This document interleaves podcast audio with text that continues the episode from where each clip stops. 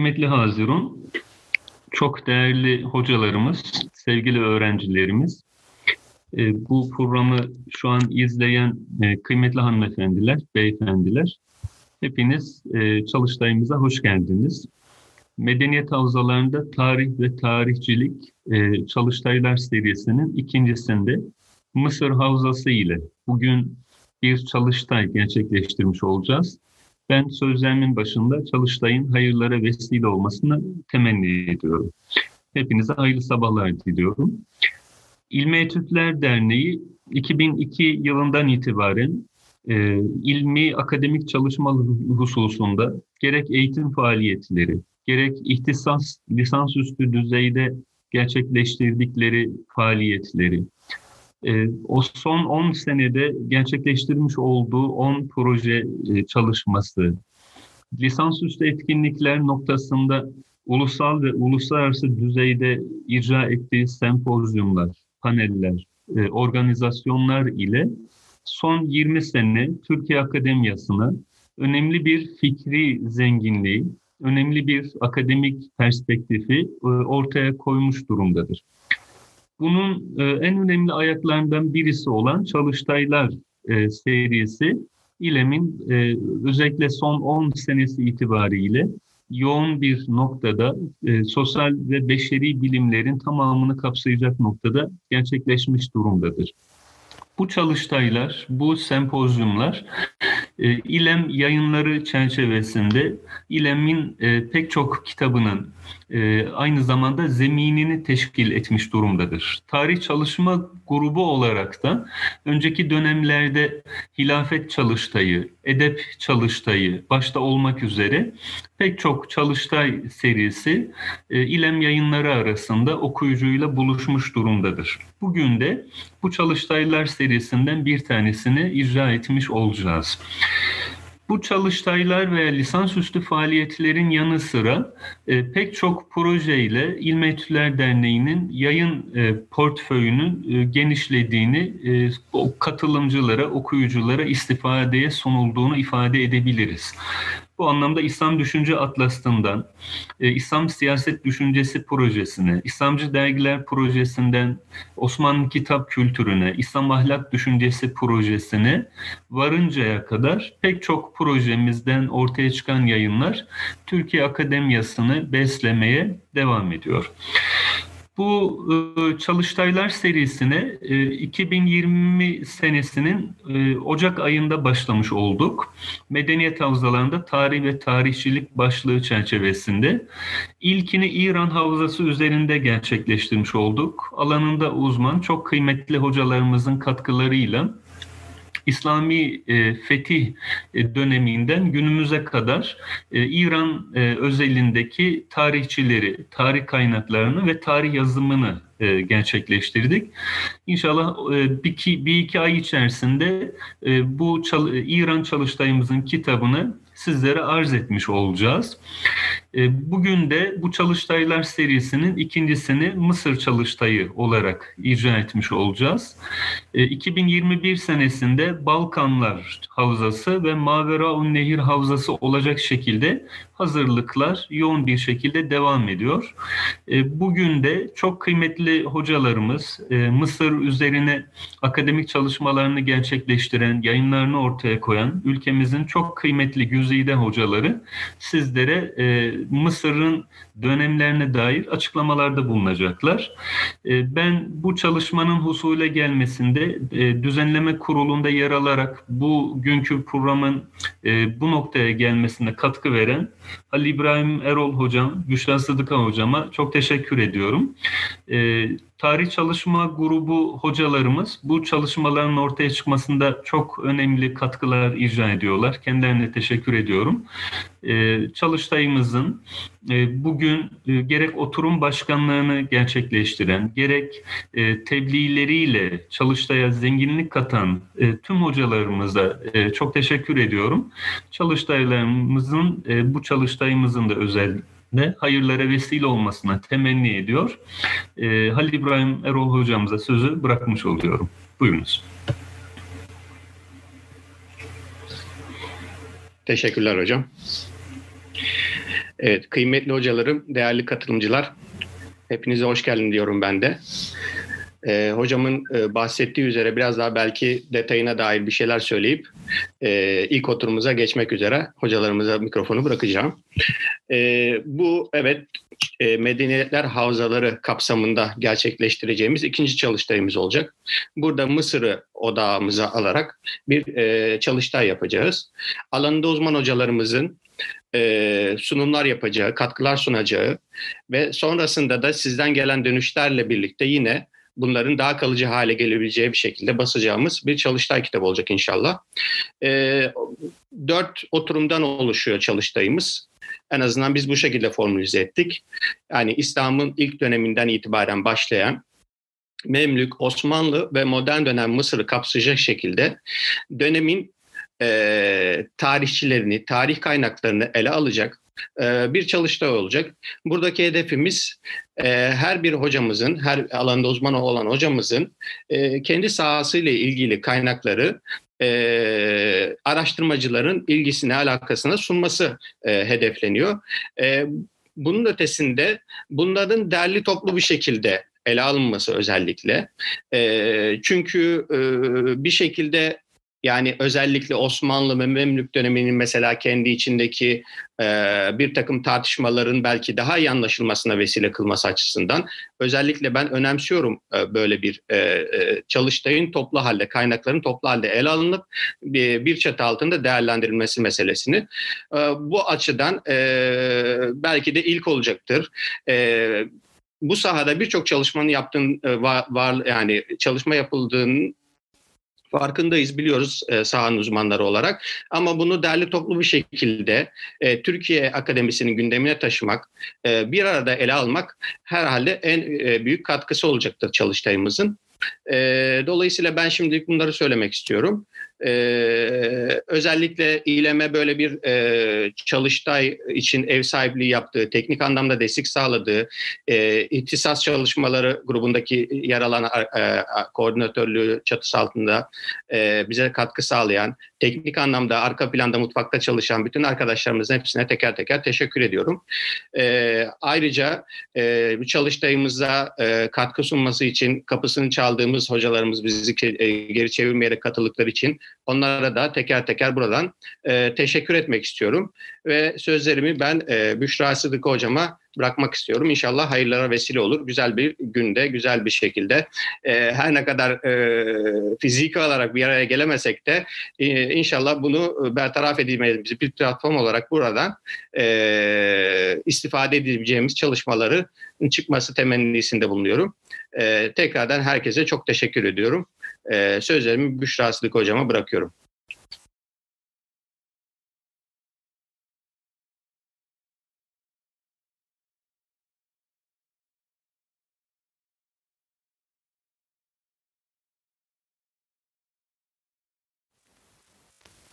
Sesim geliyor sanırım.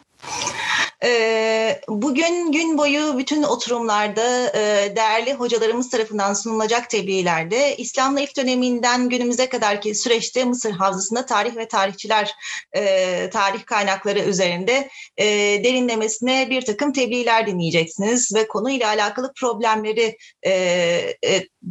göreceğiz hep beraber. İnşallah her bir tebliğ hepimiz için çok faydalı ve istifadeli neticelere ulaştırır.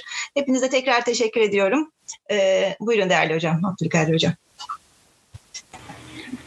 Peki hocalarım çok teşekkür ediyorum. Ee, saat 10'da ilk oturumumuzu e, Profesör Doktor Fatih Yahya Ayaz hocamızın e, oturum başkanlığında Nadir Özkuyumcu hocamız, Aydın Çelik ve Harun Yılmaz hocalarımızın sunumlarıyla başlatmış olacağız. E, verimli bir çalıştay olması temennisiyle saat 10'da ilk oturumda görüşmek dileğiyle hepinize hayırlı günler diliyoruz. Katılımınızdan dolayı teşekkür ediyoruz.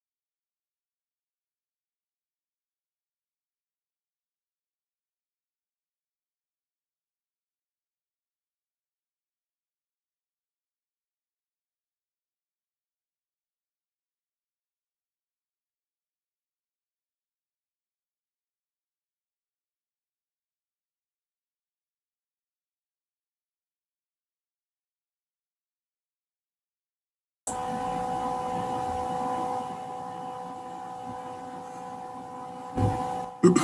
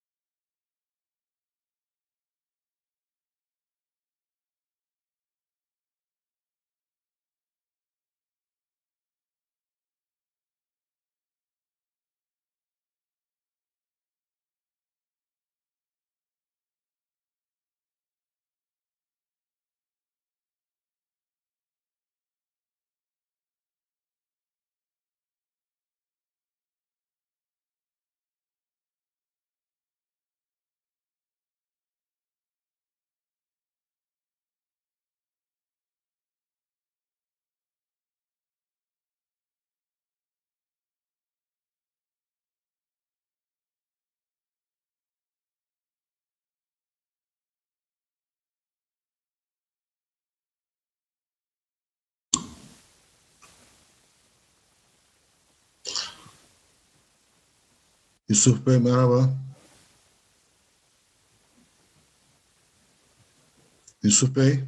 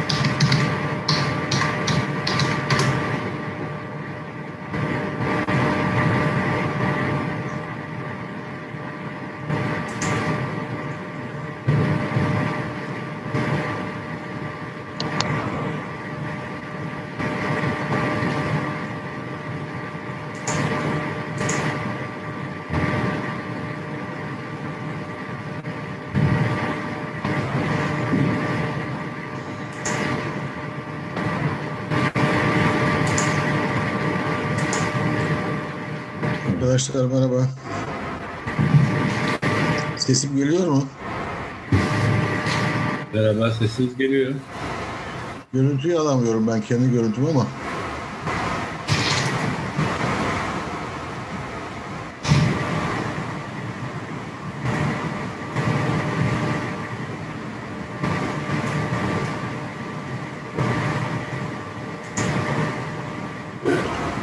Evet, şimdi olur.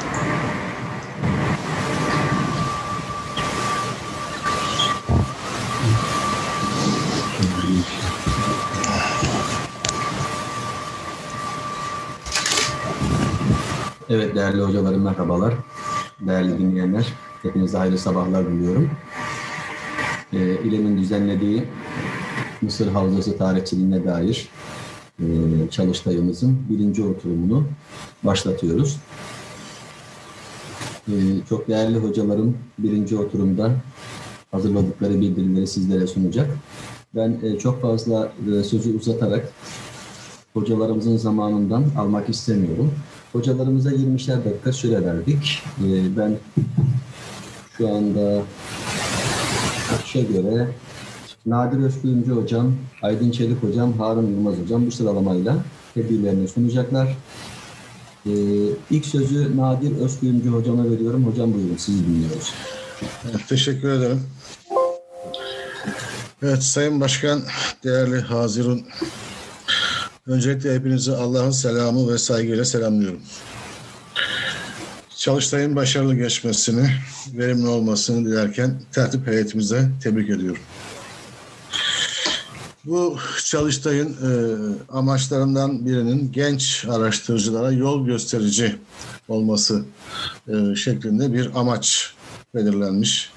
Ben de tebliğimi daha çok bu genç arkadaşlara yani akademisyen arkadaşlarımız değil de genç arkadaşlarımız hedef alarak hazırlamaya çalıştım. Öncelikle bunu belirtmek istiyorum. Bu tebliğim bu sebeple iki, iki ana konudan, iki kısımdan oluşuyor. Birincisi özellikle ilk dönem İslam tarihçiliğinin ve İslam tarihçilerinin kullandıkları rivayet usulleri ve raviler hakkında olacaktır. İkinci kısmı ise dönemin kaynakları ve Mısır tarihi için sahip oldukları önem üzerine yoğunlaşacaktır. Değerli arkadaşlar ilk olarak ilk dönem İslam tarihçiliğinde rivayet usulleri ve raviler konusuna temas etmek istiyorum. Mısır tarihi üzerine olan bu bildiride öncelikle böyle bir konu seçmemin sebebi rahmetli Fuat Sezgin'in Gaz ismiyle kısaca bilinen Yeşihteder Arabi Şeriftums isimli eserine yazdığı İslam tarihine giriş kısmında vurguladığı hususlardır. Beni bu bilgilendirmeye iten gerekçe bu oldu.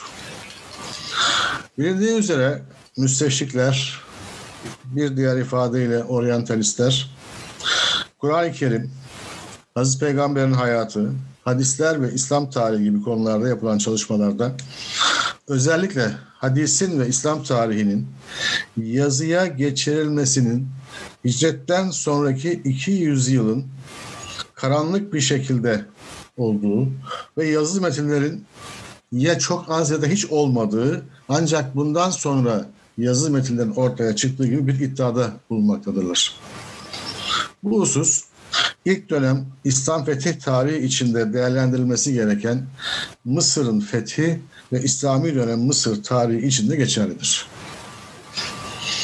Müsteşrikler bu iddialarıyla gerek hadis ilmi sahası ve gerekse hadis nakil ilminin etkilediği İslami ilimlerin pek çoğunu bu arada İslam tarihini de hicretten 200 yıl gibi uzun bir zaman diliminde boşluğa bırakma ve böylece nakilleri mesnetsiz kılma amacında olmuşlardır. Esasen bu meselenin böyle olmadığını ve haberleri nakleden ravilerin her birinin ya da hiç olmazsa birinin veya birkaçının sahip kitap sahibi olduğunu Profesör Fuat Sezgin şu şekilde açıklamaktadır. Cahiliyeden başlayarak anlatıyor. Cahiliyede yazıları gelenekselleştirmek bir öf idi. Tarih yazımı için bunun hangi zamanda söz konusu olduğu ise bizim için hala karanlıkta kalacağı benziyor. Divanların şairler tarafından İslamiyet'in ortaya çıkmasından az bir zaman önce veya daha sonra ilk yıllarda raviler tarafından nakledildiği konusunda birçok verilere sahibiz. Raviler tarafından nakledilenler yazı ile idi. Yani yazılıydı. Fuat Sezgin bu nakilelerin başında yer alan Hattesena ve Hatteseni ya da Ahberana ve Ahbareni gibi kalıplaşmış nakil sözcüklerinin de esasen yazılı metinlerin varlığına delalet ettiğini ifade etmektedir. Bunlardan Hattesena ve Hatteseni sözcüklerinin öğrencinin öğretmeninden yazılı metni dinlemesi ahberana ve ahbereni sözcüklerinin de yine yazılı metinlerin öğrencilerin tek başlarına ya da diğer kişilerle birlikte öğretmenine okuması usulü olduğunu ifade eder. Bunlara da sema ve kıraa ismi verildiğini belirtir. Fuat Sezgin yine bu ilk dönem eserlerde yer alan bir diğer nakil ifadesinin de vecettü fi kitabi abai ya da ebi şeklinde olduğunu yani babalarımızın, atalarımızın kitaplarında bulduğumuza göre ifadesi olduğunu ifade eder. Bunun da esasen daha ilk dönemlerden itibaren yazılı kaynaklara sahip olunduğunun göstergesi olduğuna vurgu yapar.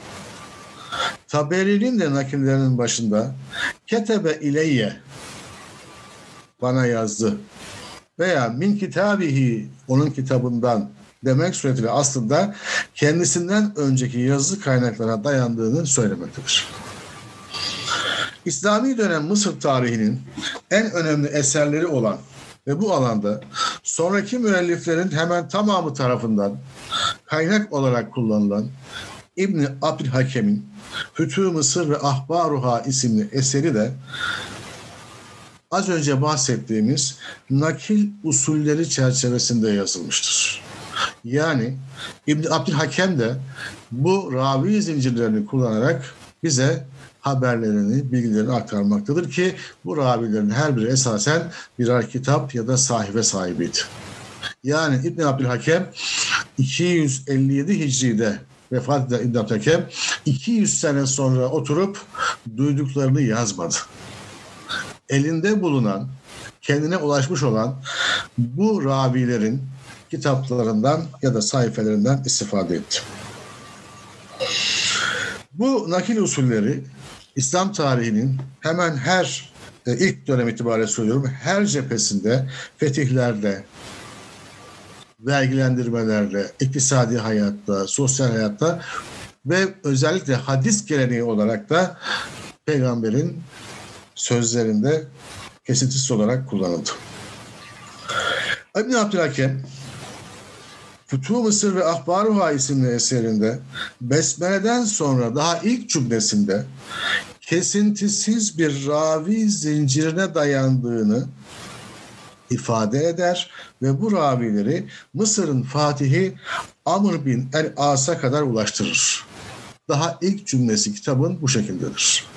Yani İbn Abdülhakem'in ifadesiyle elimizdeki bilgiler ravilere onların sahip olduğu kitap ve sayfelere dayandırılmıştır. Bu bilgilerle gençlerimize genelde İslam tarihinin, özelde Mısır tarihinin ilk dönemini araştıracak olanlara söylemek istediğimiz husus, bize kadar ulaşan eserlerde gördüğümüz nakil usulleri çerçevesinde haberlerin ravilerinin aslında birer müellif olduklarıdır. Yani bu haberlerin senetlerinde geçen, isnat senedinde bulunan ravilerin tamamı müelliftir ya da birkaçı müelliftir. Ancak onların eserleri şu veya bu şekilde bizlere kadar ulaşamamış ya da sonraki müellifler vasıtasıyla bize bazı parçaları gelmiştir. Örneğin biz hep biz biliyoruz ki Suyuti'nin Hüsnü Muhadarası içerisinde bize ulaşmayan Kuzai'nin Hıtat'ı 3 sayfa da olsa yer almıştır. Yine mesela Muhammed Hamidullah'ın meşhur İbn İshak'ın Siretur Resulillah isimli eserini tahriş usulünü kullanarak yani İbn İshak'ı kullanan muahhar sonraki müelliflerin eserlerinden Gale İbni İshak lafızlarını toplayarak çıkardığı 250 küsur sayfalık bir eser elimizdedir bugün. O bakımdan bizlerin e, elinde bulunan bu eserler esasında e, müelliflerin daha ilk dönemden itibaren ortaya koydukları sayfa ya da kitapları göstermektedir. Usul bakımından genç arkadaşlara temas edilmesi gereken bir diğer konuda Arapça yazılan bu eserlerden faydalanırken Türkçe yapılan çevirilerde ortaya çıkan hatalar. Bu konuda dikkatli olması gerektiği açıktır. Yine de İbn Abdülhakem'den bir örnek vermek gerekirse mesela şöyle der İbn Abdülhakem Ahberana eşşeyh el fakih el imam el alim el hafız Ebu Tahir Ahmet bin Muhammed bin Ahmet bin Muhammed devam ediyor. Kıraaten aleyh. Bu ifadede İbn Abdülhakem kıraaten sözcüğünü kullanmakla eğer biz bu tercümeyi okuyarak ya da okumak suretiyle yaparsak böyle bir anlamla Türkçe'ye çevirirsek tercüme tercümeyi Türkçe çeviriyi eksik bırakmış olacağız. Çünkü buradaki kıraaten aleyh kelimesi bir nakil usulünü ifade etmektedir. Sözcük anlamı, kelimenin sözcük anlamı kıraaten evet okuyarak, okumak sureti demektir. Ama burada kastedilen kıraat kelimesi bir usulü bize anlatıyor. Onun için genç arkadaşlara önemli vurgulamak istediğim husus Fuat Sezgin'in de az önce bahsettiğimiz kıraat, sema ve kıraat usul çerçevesinde bu metinleri ele almalarıdır. Bunu özelleştirdiğimizde aynı şekilde e, İbn Abil Hakem'de de ahberana, ahberani, hatta sana, hatta seni gibi isimleri e, özür dilerim e, ifadele gördüğümüzde bileceğiz ki bunlar da bize ya sema yani hocanın okuması ya da kıraat yani öğrencinin okuması gibi metinler üzerinden yapılmıştır. Yani İbn Abdülhakem'in de bütün kaynakları hemen hemen yazılı olarak elinde mevcuttur. Bu genel girişten sonra şimdi dönemin kaynakları ve Mısır tarihi için önemi başlığına geçebiliriz. Arkadaşlar Mısır İslam'ın yayılış tarihi içerisinde erken dönem fethedilen bir coğrafya. Bunu hepimiz biliyoruz. Hicri 20'lerde ve 642 miladi yılında Müslümanların fethettiği bir bölge. Arap Yarımadası'na yakınlığı, Kudüs gibi kutsal bir şehrin hemen sınırında olması, tarih boyunca önemli bir medeniyet merkezi ve iktisadi anlamda da dünyanın tahıl ambarı olması, Müslümanların batıya açılmalarında fetih yolları üzerinde bulunması ki Kuzey Afrika, İspanya bölgesine giderken buradan gidildi ve Kuzey Afrika fetihleriyle e, daha sonra İspanya'ya çıkışta Mısır askeri karargahtır. Hayrevan kuruluncaya kadar. Dolayısıyla Mısır hiçbir zaman dünya tarihinde cazibesini kaybetmeyen bir ülke, bir coğrafya olmuştur. Sahip olduğu bu önem ve özellikler sebebiyle de İslam tarihinde pek çok yazar tarafından başta tarih ve coğrafya olmak üzere hemen her alanda hakkında kalem oynatılan bir yer olmuştur madenlerinden Nil Nehri'ne hatta Nil Nehri'nin sularının kabarıklığına çekilmesine kadar debi ölçümlerine kadar her şey incelenmiştir. Müslümanların Hazreti Ömer'in halifeliği döneminde Arap Yarımadası dışında başlattıkları fetih hareketlerinin hedefinde Mısır ilk sıralarda yer almıştır.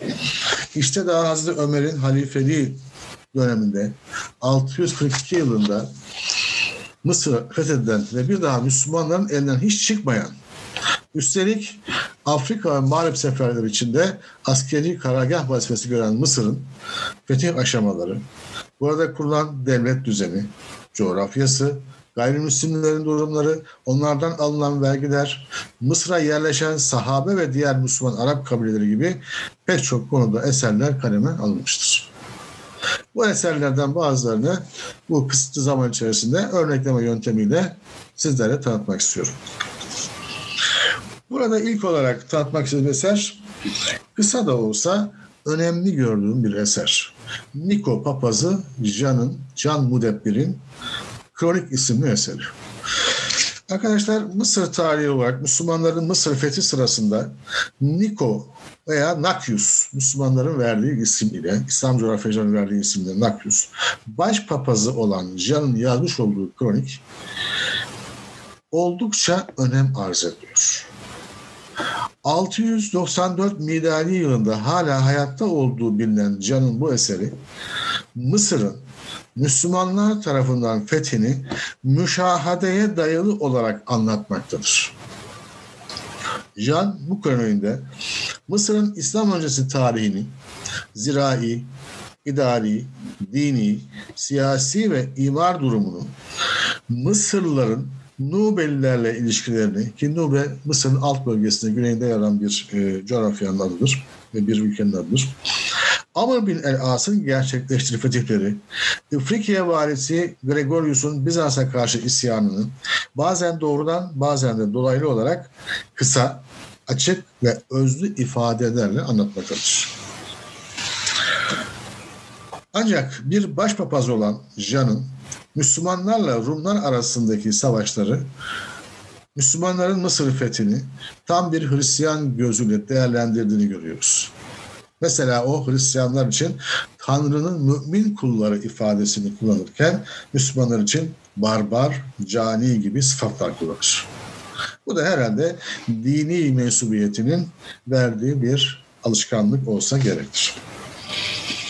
Bu eser Rumca yazılmış ancak bugün bize ulaşan metin 1602'de Habeşçe'ye çevrilen ve oradan da Zotenberg tarafından Fransızca'ya çevrilen 1883'te yayınlanan eser bizim Türkçe'ye çevirdiğimiz ve kullandığımız eser olmuştur. Eserde Dionysyen takvimi kullanılmıştır. O Mısır'ın Müslümanlarca ay dönümü takvimine göre ben Fransızcam yok ama ifade etmeye çalışayım. La quatorzim ane edu cycle lunar. Yani ay dönümü takvimine göre. Bu kelimelere baktığınız zaman sözlükte, Fransız sözlüklerde hicri takvim çıkıyor karşınıza. Hicri takvimin aslını almak lazım burada. Bu da kamera takvim demektir. Mısır'ın 14. yılda Müslümanlar tarafından ele geçirildiği ve 15. yılda da Babilon'un yani Babil Kulesi'nin Müslümanlar tarafından fethedildiğini anlatır. Burada kullanılan takvim araştırıcılar için bir handikap, bir sorundur. Çünkü 14. 15. yılların karşılığı Dionysyen takviminde bulunması gerekir. Şimdi bu konuda meşhur Mısır tarihçisi Butler, belki bilenlerimiz var üstünde, diyor ki bu takvim sadece Mısır'da kullanılıyordu ve e, pek çok e, Bizans e, bölgesinde kullanılmayan, bilinmeyen bir takvimdi. Ancak ana bir tarikada şu ifade var. Diyorsa takvimi 19 yılda bir aynı ayın aynı güne denk gelmesiyle oluşan tarih sistemidir diyor. Yani burada kastedilen 14. 15. yıllar Diyonisyen takvimine göre 19 yıllık zaman dilimleri için kullanılan bir takvim çeşididir. Biliyorsunuz tarihte pek çok takvimler kullanıldı. Papazcanın kaleme aldığı kronikte yer alan bazı isimler, şahıs isimleri, yer isimleri Müslüman tarihçilerin de verdiği isimlerle uyuşmakta. Mesela az önce bahsettiğim Nikios ya da Nikio, Nakius şeklinde, Abusir, Busir şeklinde kaynaklarımıza, bizim coğrafi eserlerimize, tarih eserlerimize yansımış. Yine Müslümanların Mukavkıs olarak ismini verdikleri valinin adı da kronikte Kidius şeklinde geçmektedir. Diğer taraftan şu bilgi de önemlidir. Diyor ki Papazcan, Mısır'ın yerli halkı olan monofizit inançlı Hristiyan Kıptiler Müslümanlara yardım ettiler. Kronikte bu bilgi de yer almaktadır. Dolayısıyla İslam tarihi kaynaklarıyla örtüşen oldukça fazla bilgiye sahibiz. Bu genel e, ilk eserden sonra bizim medeniyetimizin, İslam medeniyetinin Mısır'la ilgili ilk eseri olan İbn Abdülhakem'in Fütuh Mısır ve Ahbaruha isimli eserine geçmek istiyorum. Değerli arkadaşlar, Ebul Kasım Abdurrahman bin Abdullah bin Abdülhakem. Kadir Hocam sözünüzü kesmek istemiyorum ama e, süremiz çok azaldı rica etsem. Öyle mi? Evet 3 dakika, 2,5 dakika civarında. O zaman e, çok kısa olarak vermeye çalışayım. Tabii e, şu kadarını söyleyeyim. Mısır e, İslam medeniyetinin motor ve önemli bir e, medeniyet merkezlerinden. Tarih boyunca zaten öyle olmuş. Dolayısıyla burada yazılan o kadar çok eser var ki yani e, bunları biz külliyat yapsak herhalde kitap çıkar. Fazlasıyla çıkar. O zaman şöyle yapalım. İbni Abdülhakem'in verdiği bilgiler çerçevesinde biz şunları söyleyelim. Bir, Mısır'ın yönetim şekli. Valiler, divan emirleri, efendime söyleyeyim, burada alınan vergiler, Kıptilerin ve diğer gayrimüslimlerin, Yahudilerin durumları, Bizanslı Rumların genel durumları, yolların, köprülerin imar durumu gibi pek çok konularda biz İbn Hakem'de bilgiler buluyoruz. İbn Abdülhakem'in özellikle Kindi ile beraber yani Kindi'nin Kitab-ül Vulat ve diğer eseri Kitab-ül Kudat ki bunlar ikisi birleştirilip de olarak basıldı biliyorsunuz. Bu iki eser yani Kindi'nin eseriyle İbni Abdülhakem'in eseri kendilerinden sonraki bütün müelliflerin hemen hemen satır satır iktibas ettikleri bir eser olmuştur. Şöyle ki sıralayayım kısaca.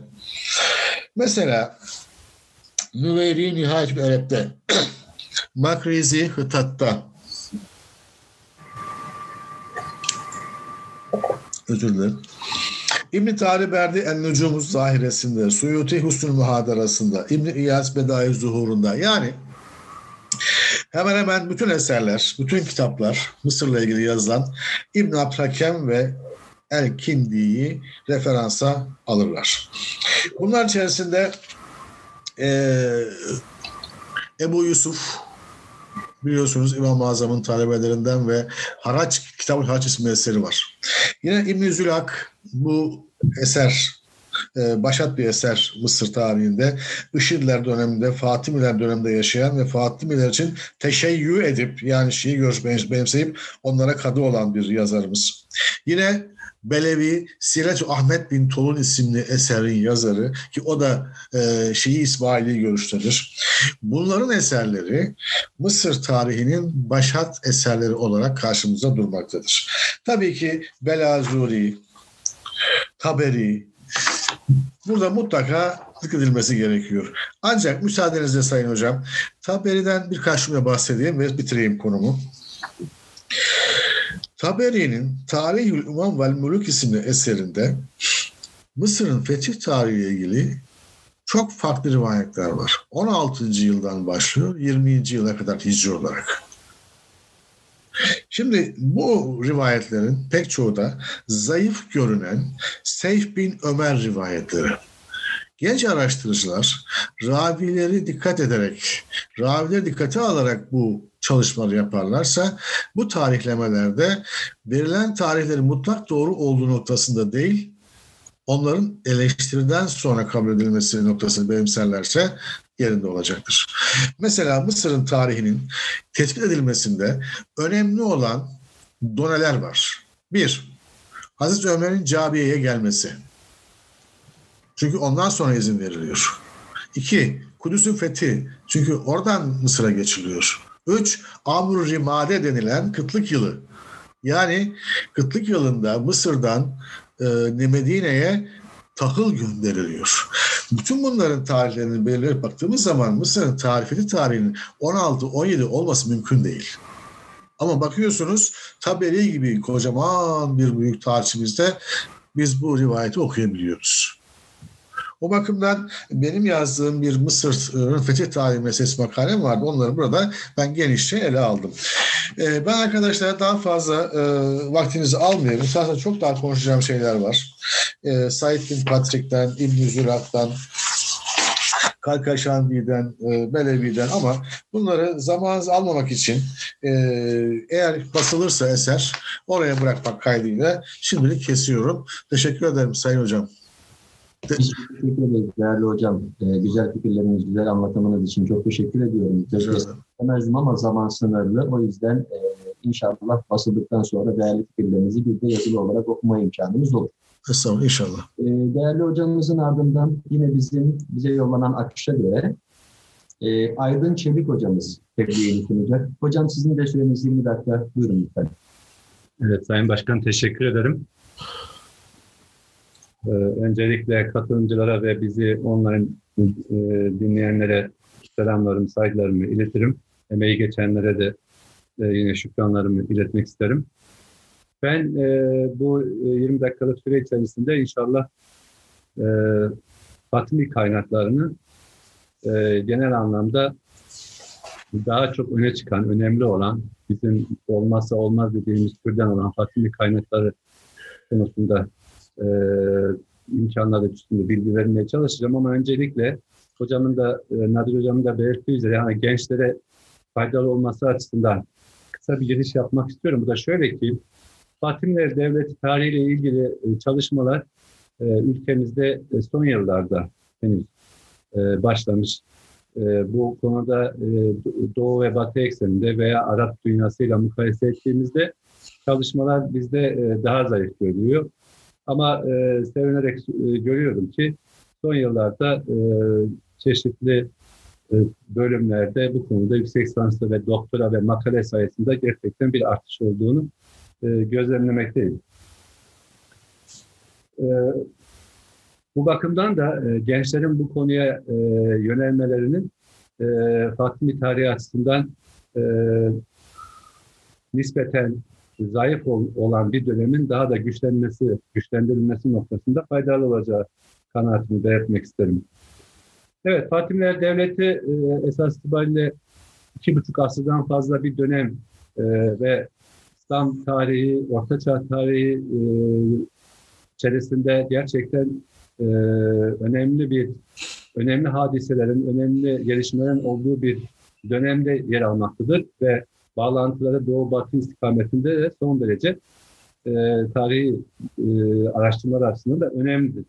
Bu bakımdan e, ben genel anlamda Fatimilerin e, kaynaklarını kısaca e, tanıtmaya çalışırken bunların bir kısmının Kuzey Afrika kuruluş e, coğrafyası olan Kuzey Afrika açısından veya Fatimilerin kuruluşu açısından daha bir önem arz ettiğini, e, öte yandan yine bilindiği üzere Fatimilerin iki asırlık bir döneminin de e, Mısır e, coğrafyasında e, geçtiğini, dolayısıyla Kuzey Afrika dönemiyle ilgili kaynaklarda daha az bir e, kaynağa sahip iken ama Mısır coğrafyasına geldiğinde e, kaynaklarda bir artışın olduğu gözlemlenmektedir ve bu da tabiatıyla normaldir, doğal.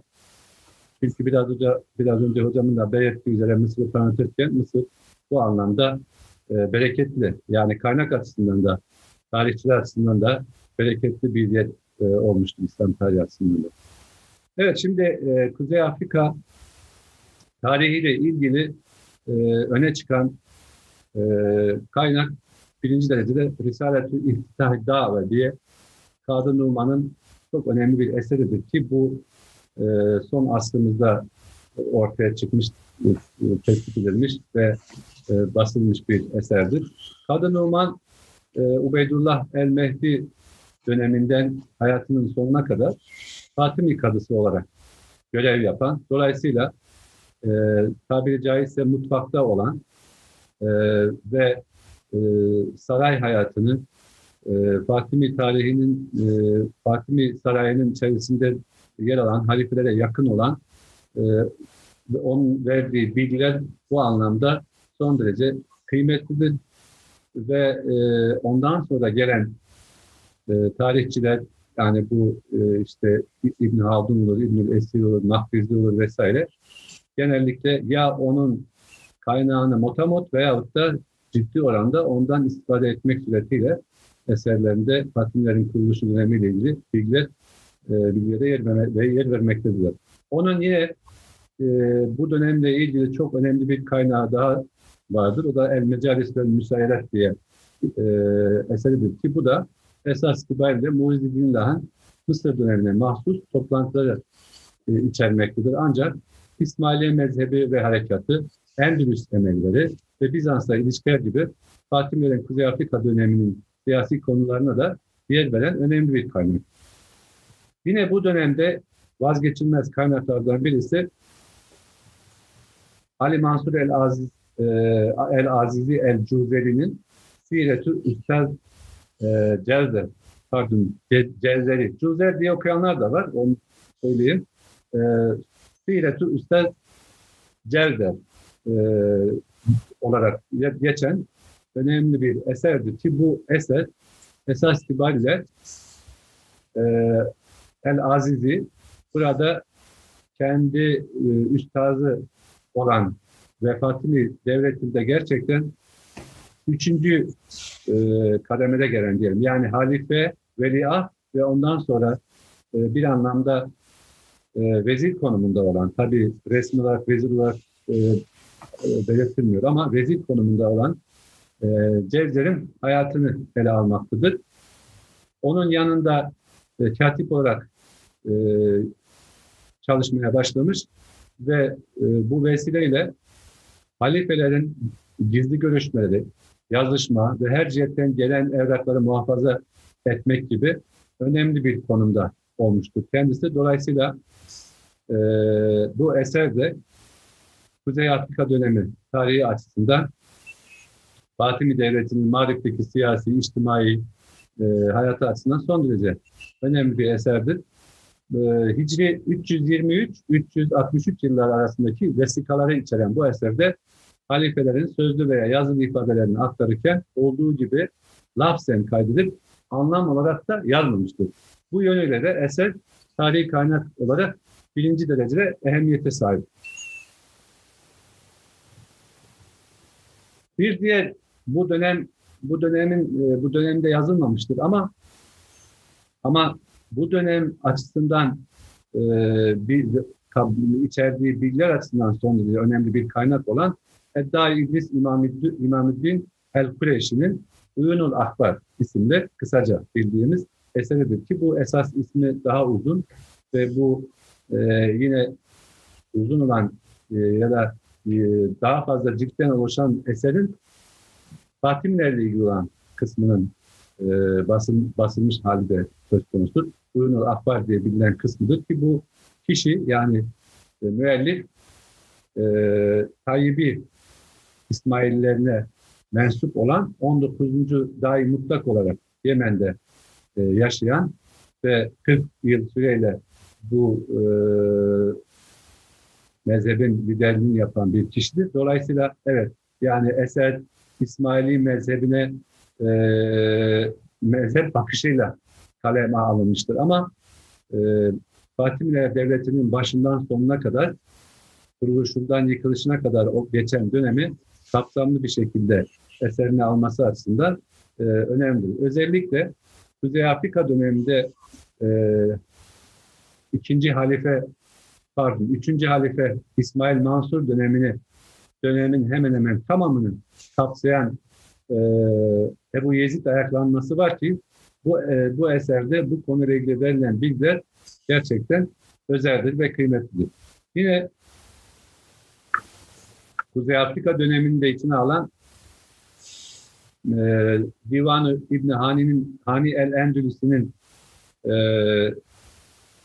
şiir, şiir kitabıdır ki burada da halifelerle ilgili özellikle Muizzidinillah ile ilgili e, pek çok sayıda beyit e, yer almaktadır ki e, edebiyat açısından ve tabi beyitlerde, şiirde yer alan çeşitli bilgiler noktasında bu dönemin önemli kaynakları arasında yer almaktadır.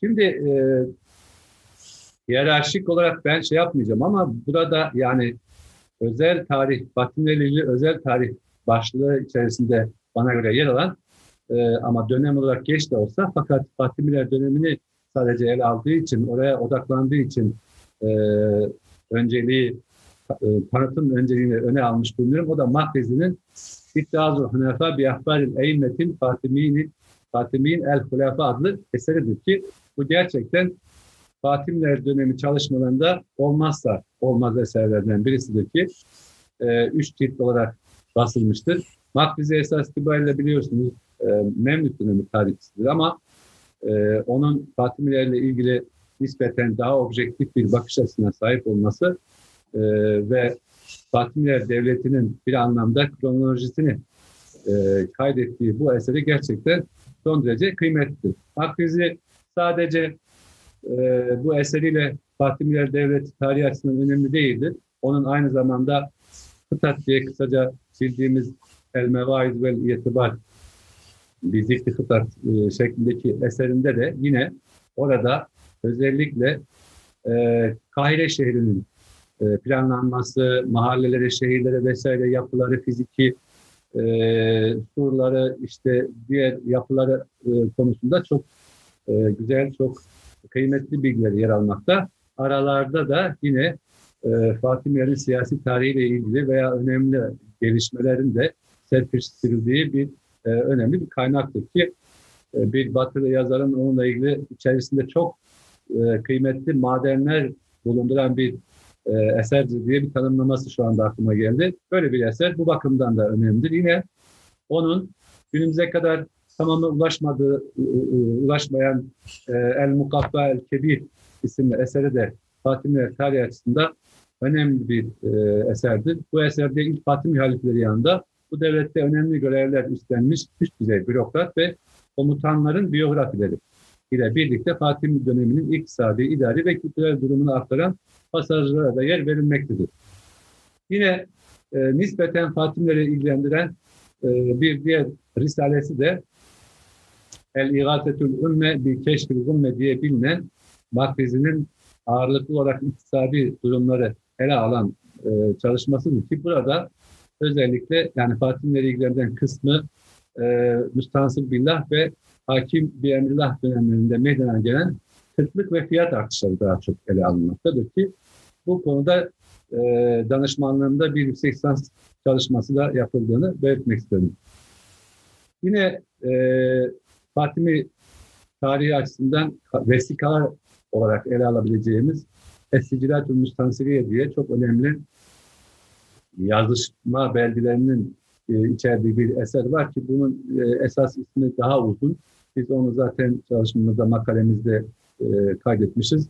Zaman almamak itibariyle. Kısaca Esicilat-ı Müstansiriye bu Sürehi emirleri ve Yemen'deki daireye, dairelere yazılan mektuplara, mektuplardan oluşan resmi el yazması belgelerdir bunlar.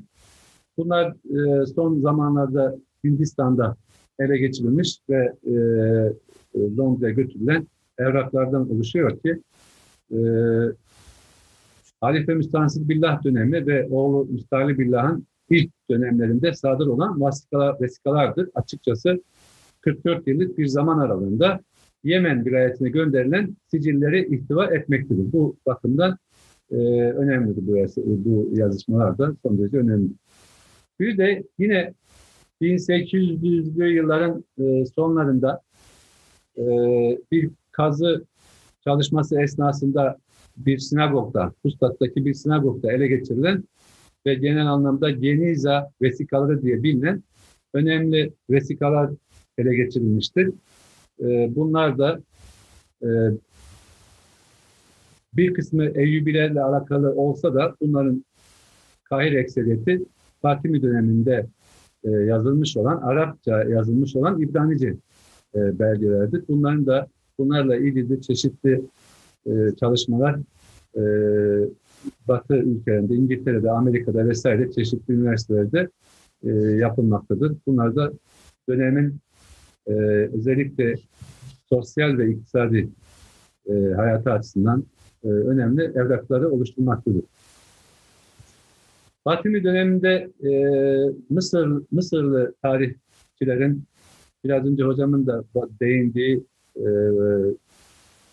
Fatimi öncesi veya Fatimi döneminin giriş kısımlarında yaşamış olan e, tarihçilerin de önemli bir yeri var. Ben onları fazla detaya girmeden ve bu anlamda Kitab-ı Ulat-ı Mısır şimdi hocam bahsetti.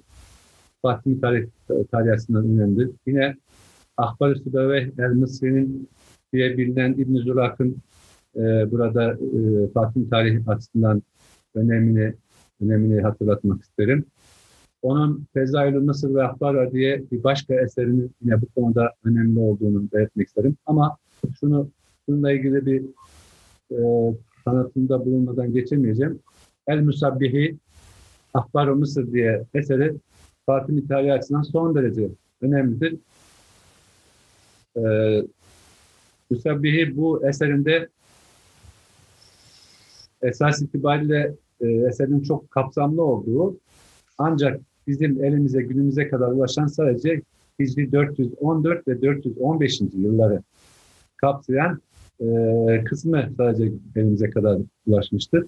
Kendisi hakim bir, bir emrillah döneminde e, yaşamış, çok sayıda eser bırakmış e, bir müelliftir. Hatta bu eserin toplamda 13 bin taraftan oluştuğu belirtiliyor.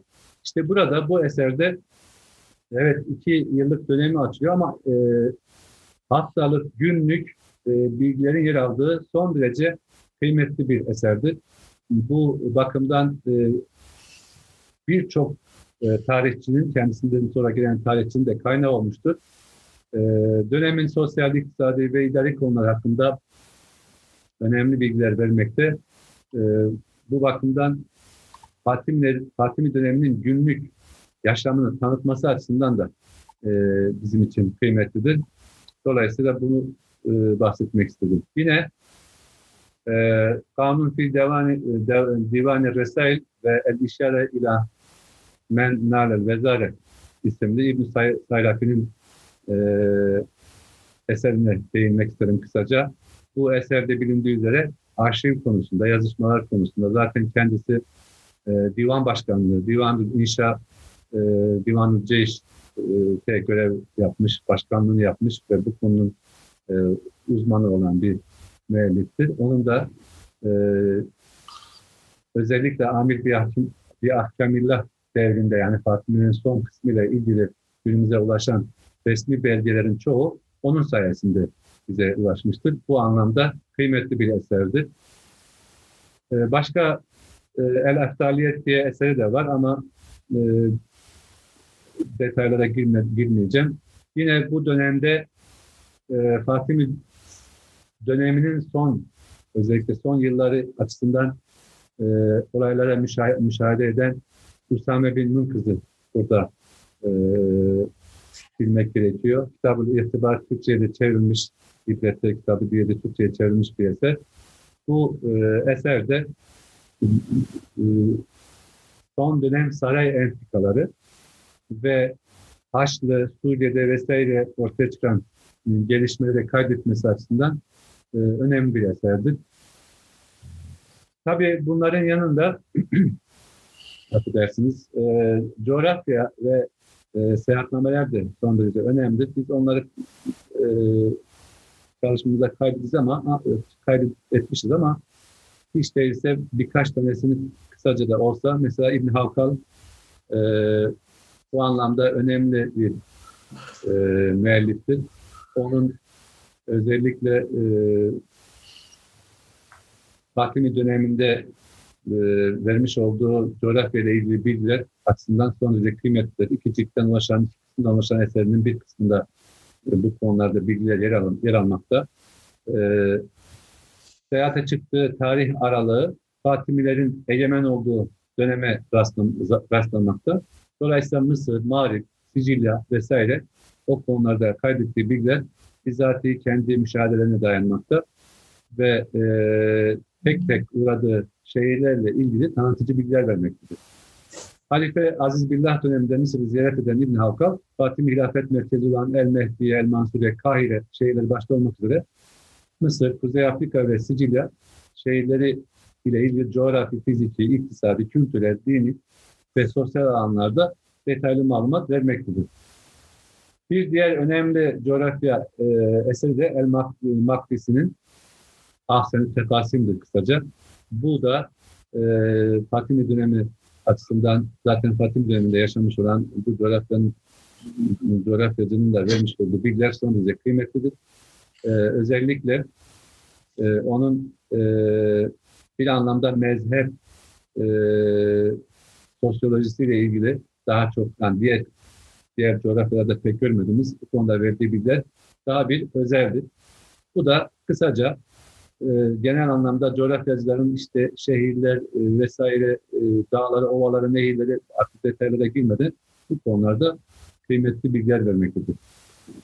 Tabii sadece biliyorsunuz coğrafya kitapları sadece coğrafya ilgili bilgiler vermez. İçerisinde yer yer e, kültürel alanda, edebiyat alanda, siyasi tarih alanında da bilgiler taşımaktadır. Tarihul Antaki'den de pardon ben ona geçmeden e, bir seyahatname örneği de vereyim. Ondan sonra e, onunla ilgili bilgi vereyim. Ee, Nasıl Hüseyin? Efendim. Hocam son bir dakikamız da kalmadı. Tamam. Çok teşekkür ederim Fatih Hocam. Sizi çok sevinirim. Tabii. Nasır Hüseyin Sefernamesi Fatimi tarihi araştırmaları için son derece önemlidir. Onun ya, Kahire'de yaklaşık iki yıl gibi bir zaman ikamet etmesi, o mezhebe dair olması vesaire. Özellikle saraydaki, e, sarayda olan, saraya yakın olması, o dönemdeki merasimler, dini, resmi vesaire merasimler, her türlü törenler vesaire bu konularda e, Kahire üzerinde gerçekten e, detaylı bilgiler vermektedir. Bu bakımdan önemli bir kaynak. Bunun dışında e, muhtemelen zaten diğer hocalarımız daha detaylı bilgi vereceklerdir. Antakya'nın tarihi son derece önemlidir. Kendisi zaten İskenderiye Patrikliği vesaire yapmıştır. Onu hatırlatmak isterim. Onun dışında yine İbn İzari e, e, El Beyanul Muhrib fi Ahbaril Endülüs vel Mağrib adlı eseri kıymetlidir. E, orada önemli bir kısmı e, Fatimi tarihine ayrılmıştır. Üç ciltten oluşan eserin. Yine çok önemli olan İbn Müyesser, e, onun da e, Musabbihinin Musabbihinin bir anlamda e, devamı, onu tamamlayan bir özelliğe sahip olması itibariyle e, El Münteka min Ahbari Mısır e, adlı eseri vazgeçilmez kaynaklardandır. İbn Zafir yine e, bir anlamda Makrizi gibi ama daha özet bir şekilde Fatimi tarihini baştan sona ele alan e, Eddüvel'in Münfatiha diye eseri vardır. Bunu bilmek gerekiyor. Yine bunun dışında da e, İbn-i Kalanisi'nin e, dönemiyle ilgili Fatimi döneminde yaşayan ama tabii ki biliyorsunuz Dımaşkı'dır kendisi. Onun ve e, İbn Hamad Es-Sanhaci'nin e, ayrıca Nüveyri e, Nihayetül Ereb adlı eseri Kalkaşandi'nin yine e, Fatimilerle ilgili üçüncü cildi neredeyse tamamı üçte ikisinden çoğu Fatimilerle alakalı inşa e, bilgileri veren önemli bir eser. E, Tarih Berdi'nin Nücum Zairesinin dört ve beşinci ciltleri tamamen neredeyse Fatimi tarihiyle alakalı bir eser. Yine İbn-i Davadari'nin e, Eddurretül Mudiye e, fi Ahbari Devlet-i Fatimiye adlı eseri de Fatimiler adlı kaynağından önemlidir. E, evet, e, bunun yanında genel tarih açısından, evrensel tarih açısından İbnül Esir, İbn Kesir, İbnül Adim, Azimi, Ebu Şami, Mesudi, Ebu Fida gibi, Suyuti gibi e, tarihçilerin de Fatimilerle ilgili e, eserlerinde öyle ya da böyle e, bilgiler, bilgilere yer verdiklerini hatırlatmak isterim. Teşekkür ederim. Eğer zaman açtıysak özür dilerim. Ee, Teşekkür ederiz hocam. Çok sağ olun. Ee, mümkün mertebe kesmemeye çalışıyorum. Hocalarımın o chat kısmına bakarlarsa özel mesaj yolluyorum e, kısa zamanımız kaldı diye. Keşke hep dinleyebilsek ama e, süre kısıtlı olduğu için bir de müzakere çocukların, gençlerin, arkadaşların, dinleyenlerin e, soruları varsa onları da bir kısım sorular da gelmeye başladı. İleteceğim inşallah size. Şimdi zamanı kullanmak açısından, iyi verimli kullanmak açısından Harun Yılmaz hocamıza sözü bırakıyorum. Hocam buyurun. Aydın hocam çok teşekkür ederiz. Ben teşekkür ederim Başkan. Ee, teşekkürler. Ee, Elhamdülillahi Rabbil Alemin ve salatu ve selamu ala Resulina Muhammedin ve ala alihi ve sahbihi ecmain. Ee, katılımcıları, dinleyicileri, herkesi e, saygıyla selamlıyorum. Ekran paylaşımı mümkün sanırım hocam. Müsaadenizle ben e, ekran paylaşımında bulunmak istiyorum. Ee,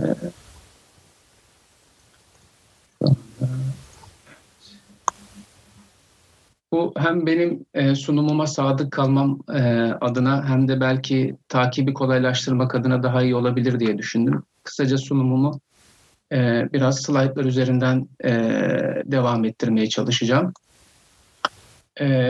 Sunumum Zengi ve Yubi dönemi ilim hayatının kaynakları üzerine olacak.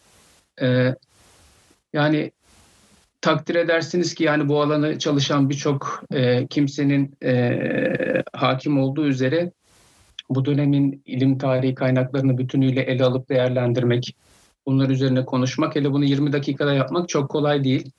E, o yüzden ben e, spesifik olarak daha çok e, bu alanı e, çalışacak, Zengi Eyyubi dönemi ilim tarihini çalışacak olan araştırmacıların ne tür kaynaklarla irtibata geçebileceği, bu kaynakların nasıl tasnif edilebileceği e, ve ilim tarihini anlamada nasıl yol gösterici olabileceği üzerine e, bazı notlarımı paylaşacağım.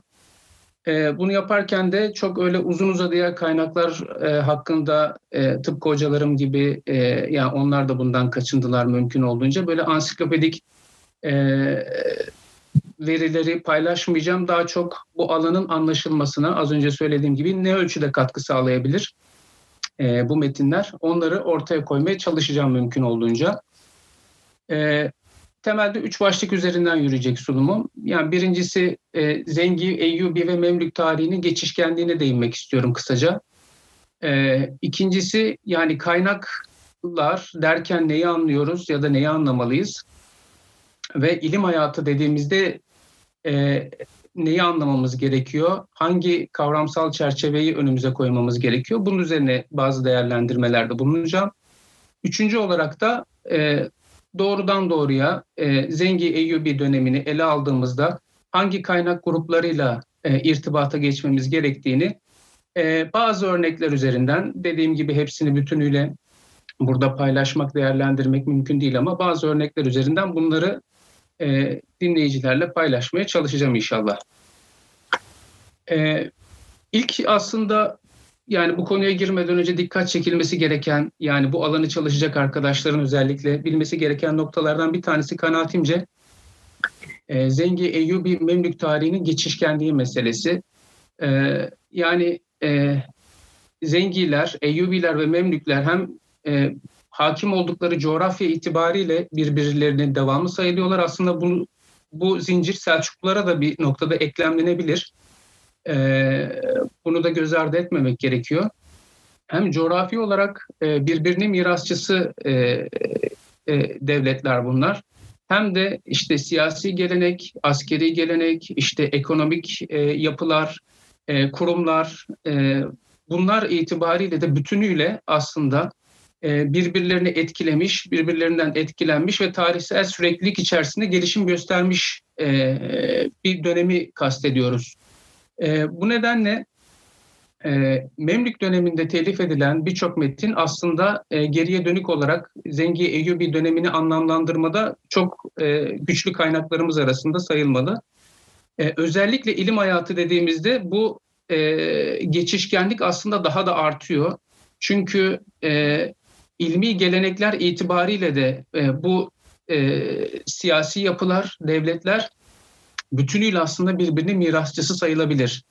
E, işte mezhepler, e, ilmi tavırlar, hatta ulema mesela yani e, bazı isimleri işte Eyyubi dönemi mi, Zengi dönemi mi, Memlük dönemi uleması mı demek bile zordur hani bu dönemde.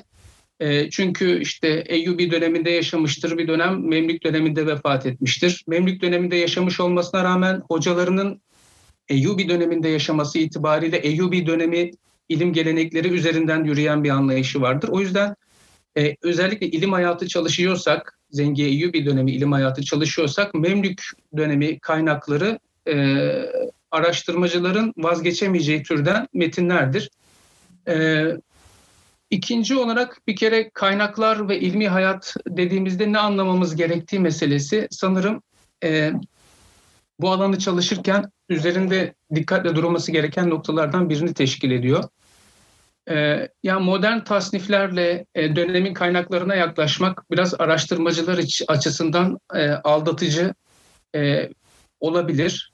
E, şöyle ki yani biz bugün e, şehir tarihi dediğimizde e, işte biyografik yazım e, türü dediğimizde e, ne bileyim topografya eserleri dediğimizde bugün modern anlamda tarihin farklı bir e, disiplin tarih disiplini içerisinde farklı bir yazım türüne işaret ediyoruz.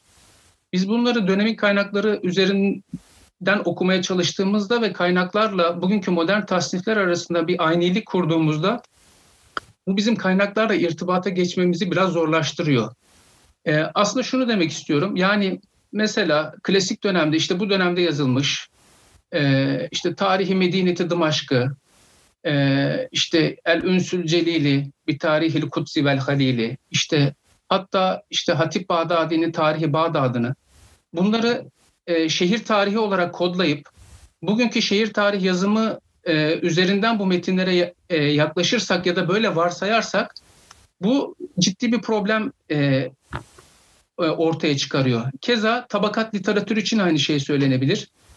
Tabakat literatürünü e, salt bir biyografik malzeme olarak değerlendirmek, e, böyle görmek ya da böyle olduğunu zannetmek bize tabakat metinlerinin e, aslında zenginliğini, bize sunacağı veri zenginliğini fark etmememize sebep olabilir. E, bu e, yani kaynak gruplarının e, tespiti problemi e, önemli. Bu bize kaynakların araştırmacıya hangi noktalarda katkı sağlayacağı konusunda da probleme sebep olur. Eğer bu farkındalığa sahip olmazsak. Yani e, birincisi e, eğer bu modern tasniflerle klasik e, literatürün e, arasındaki farklılığı eğer fark edemezse araştırmacı, bu birincisi e, kaynakları nasıl tasnif edeceğimiz noktasında probleme sebep olur. İkincisi bu kaynakların araştırmacı muhtemel söyleyeceği e, e, verileri, geniş zenginliği fark etmemesine e, sebep olacaktır. E, o yüzden e, dönemin kaynaklarını, kaynakların metodunu, e, e, bu kaynakların nasıl tasnif edilmesi, nasıl anlaşılması gerektiği konusunda sağlam bir tasavvurun e, oluşması gerekiyor. E, bir de ilmi hayat e, derken ne anlamalıyız sorusu önemli. Hangi kavramları e, etrafında e, çalışmamız gerektiği. Bu konuda ilmi hayatı ne kadar geniş tarif edersek aslında yani ilmi hayat derken e, ne anlamamız gerektiğini işte bunun içerisinde ulema, kurumlar, işte siyaset, ekonomi, e, yeri geldiğinde askeri tarih bunların bütünüyle ilmi hayatın şekillenmesinde, belirlenmesinde etkili olan faktörler olduğunu zihnimizin bir köşesinde tuttuğumuz anda yani e, tarifimizi, ilmi hayat tarifimizi ne kadar genişletirsek aslında e, kaynak grubu irtibata geçmemiz gereken kaynak grubunu da e, belirlemiş oluyoruz. Bu anlamda ufkumuz da daha çok gelişiyor, gelişecektir. E, ve zaman ve mekan bağlamını önemsememiz gerekiyor bu tip çalışmalarda. Yani hangi metnin hangi dönemde ve hangi coğrafyada yazıldığını e, ve e, özellikle ilim tarihi çalışıyorsak e, kendi döneminin e, bu aslında başka dönemler için, başka meseleler için sadece ilim hayatı değil, belki başka konular için de geçerli bir nokta ama e, ben özellikle burada zikretmek istiyorum. E, ha, eserin hangi zamanda ve hangi coğrafyada yazıldığını göz ardı edersek, e, eserin muhtemelen kendi dönemi içerisinden söylediği şeyleri fark etmememize ve e, işte anak, belki anakronik, belki işte daha e, bağlamsal hatalara düşerek çok yanlış genellemeler, ilim hayatına dair yanlış genellemeler yapmamıza sebep olabilir bu. E, işte Eyyubi dönemi, Memlük dönemi, işte medrese tarihi, ilim tarihine dair metinleri okuyarak İslam ilim geleneği üzerine konuşmak bütünüyle e, son derece yanlış bir tavır e, olacaktır. Bazen okuduğumuz metinlerin kendi zaman ve mekanıyla e, sınırlı bir bağlama sahip olduğunu her zaman göz önünde bulundurmamız gerekiyor kanaatimce. Ee, şimdi kaynakların çeşitliliği ve tasnifi meselesine gelelim. Yani ben birkaç şekilde tasnif etmeye çalıştım. Yani ne tür e, kaynak gruplarıyla irtibata geçilebilir ilim tarihi çalışanlar, e, geçebilirler konusunda. E, birincisi vakfiyeler meselesi e, hiç şüphesiz. Yani en otantik e, bilgiler e, aslında vakfiyeler üzerinden elde edilebilir. E, çünkü ilim kurumları e, özellikle işte e, medreselerin, medreseleşmenin, e, ilim hayatının kurumsallaşmasının başlamasından itibaren e, Zengi, Eyyubi, Memlük hatta Osmanlı dönemine kadar ilim kurumlarının bir vakıf, aynı zamanda bir vakıf oldukları ve vakfiyeleri itibariyle e, buradaki ilmi faaliyeti, e, büyük ölçüde e, ortaya koyan mahiyetini, işte oradaki işleyişi, e, fonksiyonunu e, ortaya koyan en otantik belgeler vakfiyeler. O bu bakımdan e, ilim kurumlarının vakfiyeleri e, ilim hayatını çalışanlar için vazgeçilmez bir kaynak türünü teşkil ediyor. E, Memlük dönemi çalışanlar aslında bu konuda biraz daha şanslılar. Fakat Zengi Eyyubi dönemi çalışanlar orijinal vakfiyelere sahip olma konusunda biraz şanssızlar. E, bununla birlikte vakfiyeler konusunda da yani ilim kurumlarına vakfiyeleri konusunda da e, bütünüyle bunlardan habersiz olduğumuz söylenemez. Her ne kadar orijinal vakfiyeler e, elimizde olmasa da aslında vakfiyelerin içeriğine dair bilgileri e, dönemin kaynaklarında yeri geldiğinde dağınık halde, yeri geldiğinde çok büyük bütünlüklü bir şekilde e, bulabilmemiz mümkün. Bununla ilgili birkaç örnek e, paylaşacağım e, inşallah.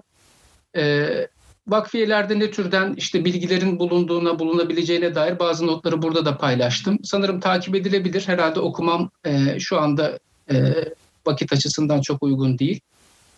Ee, mesela bir iki örnek yani şanssız olduğumuzu söyledik ama işte bazı e, tarih kitaplarına da yansıdığının e, örneğini sizinle paylaşmak istedim. Biri mesela İbn Şeddad'ın El Alagul Hatira isimli e, eserinden. E, İbn Şeddad işte az önce tam sunumun başında bahsettiğim üzere tam Eyyubi Memlük geçişkenliğinin isimlerinden bir tanesidir. Eyyubiler döneminde hayatı hem Eyyubiler döneminde hem Memlükler döneminde e, geçmiş bir müellif. E, Biladü Şam'daki birçok şehrin işte Halep, Hama, işte Dımaşk, Humus, e, birçok şehirdeki ilim kurumlarından bahseden gerçekten çok önemli bir eseri var.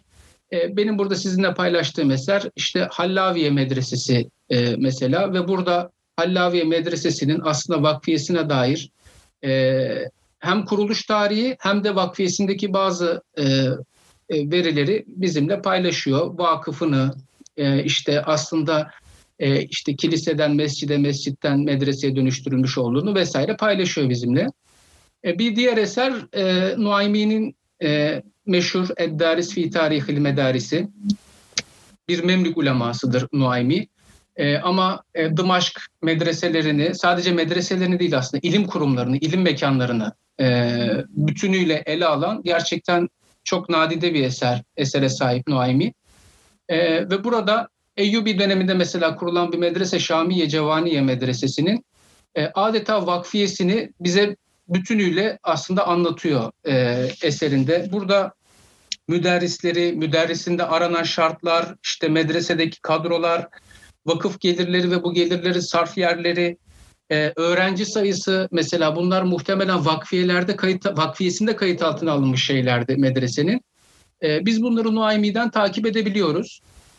E, vakfiyeler başka şekillerde de aslında günümüze geliyor. Mesela bir başka örneği hızlıca sizinle paylaşayım. Yani bunu şunun için söylüyorum. Vakfiye ile ilgili bilgiyle nerede karşılaşacağımız gerçekten belli olmaz.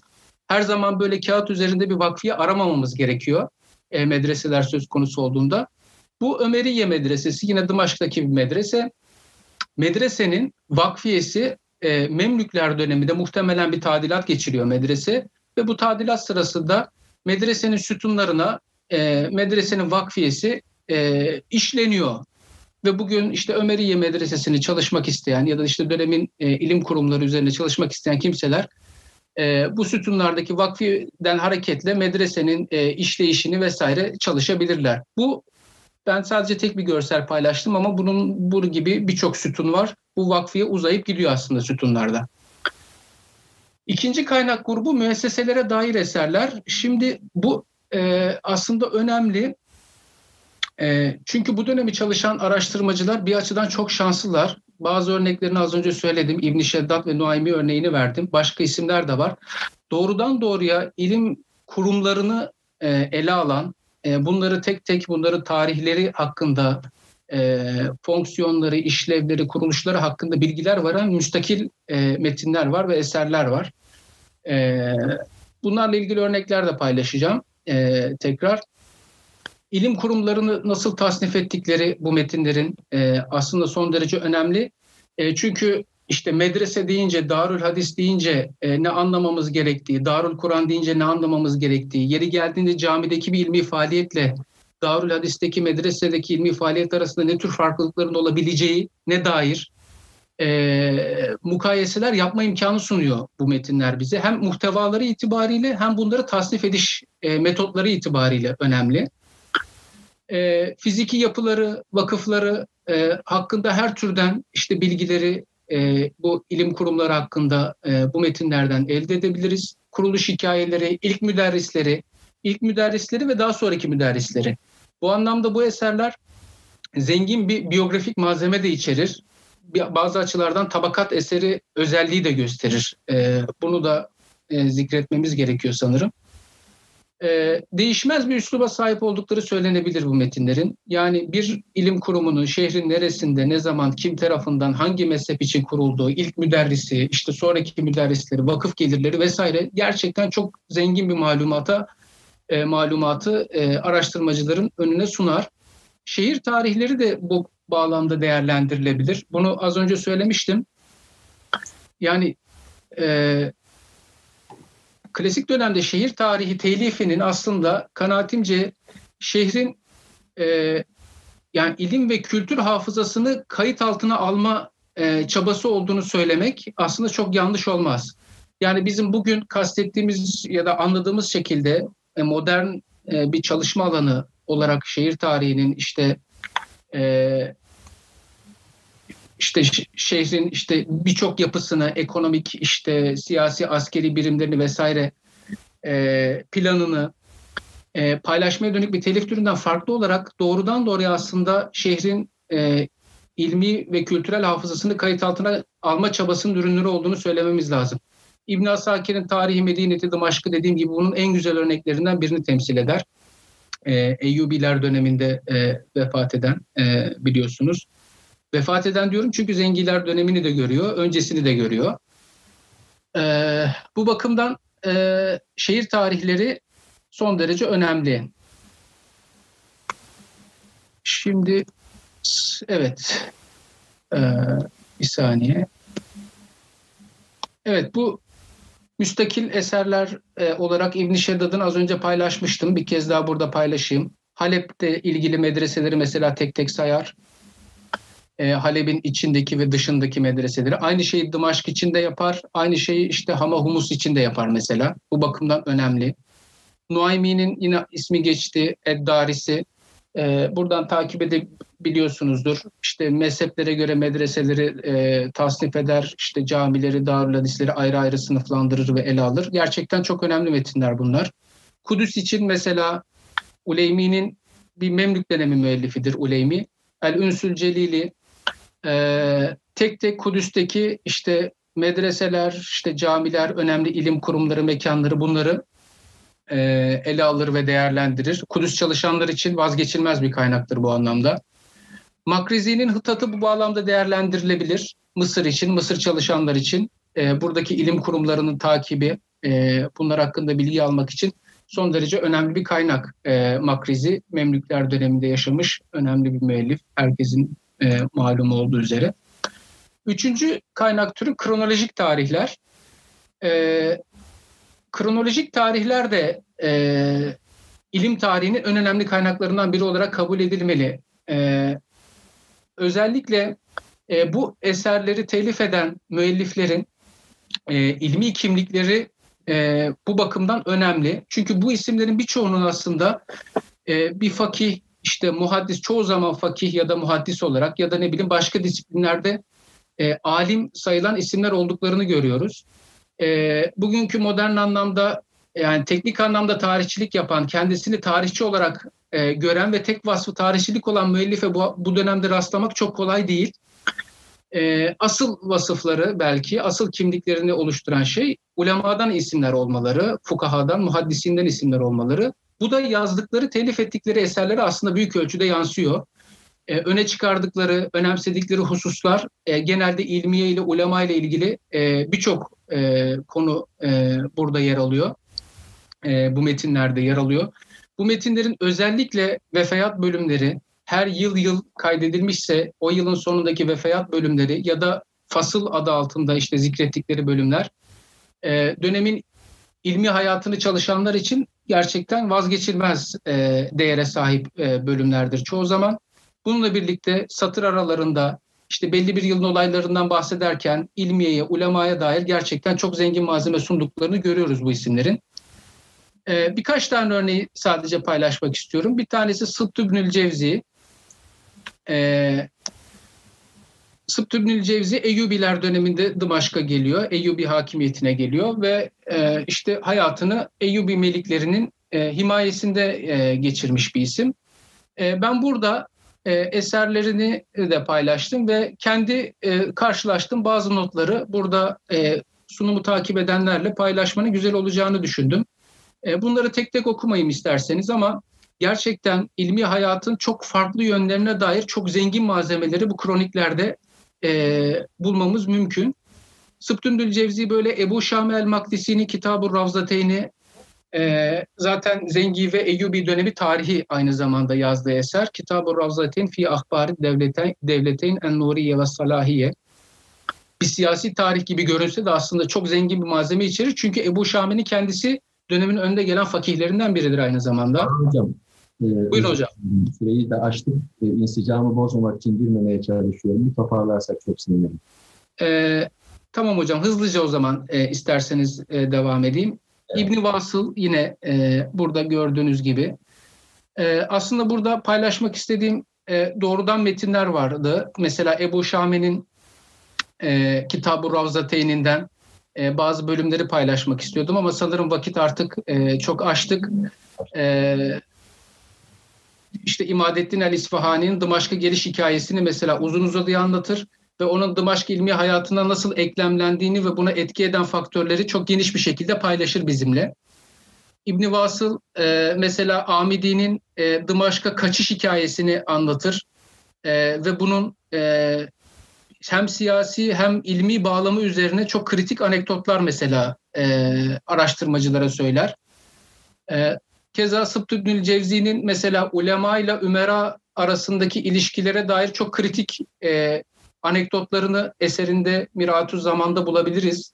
İşte bir melikin nebiz içmenin işte e, caiz oluşuna dair bir hüküm istemesi, e, fetva istemesi, bunu ulemanın reddi ve bunun sonuçları gibi çok gerçekten e, zengin malzemeyi bu metinlerde bulmamız mümkün.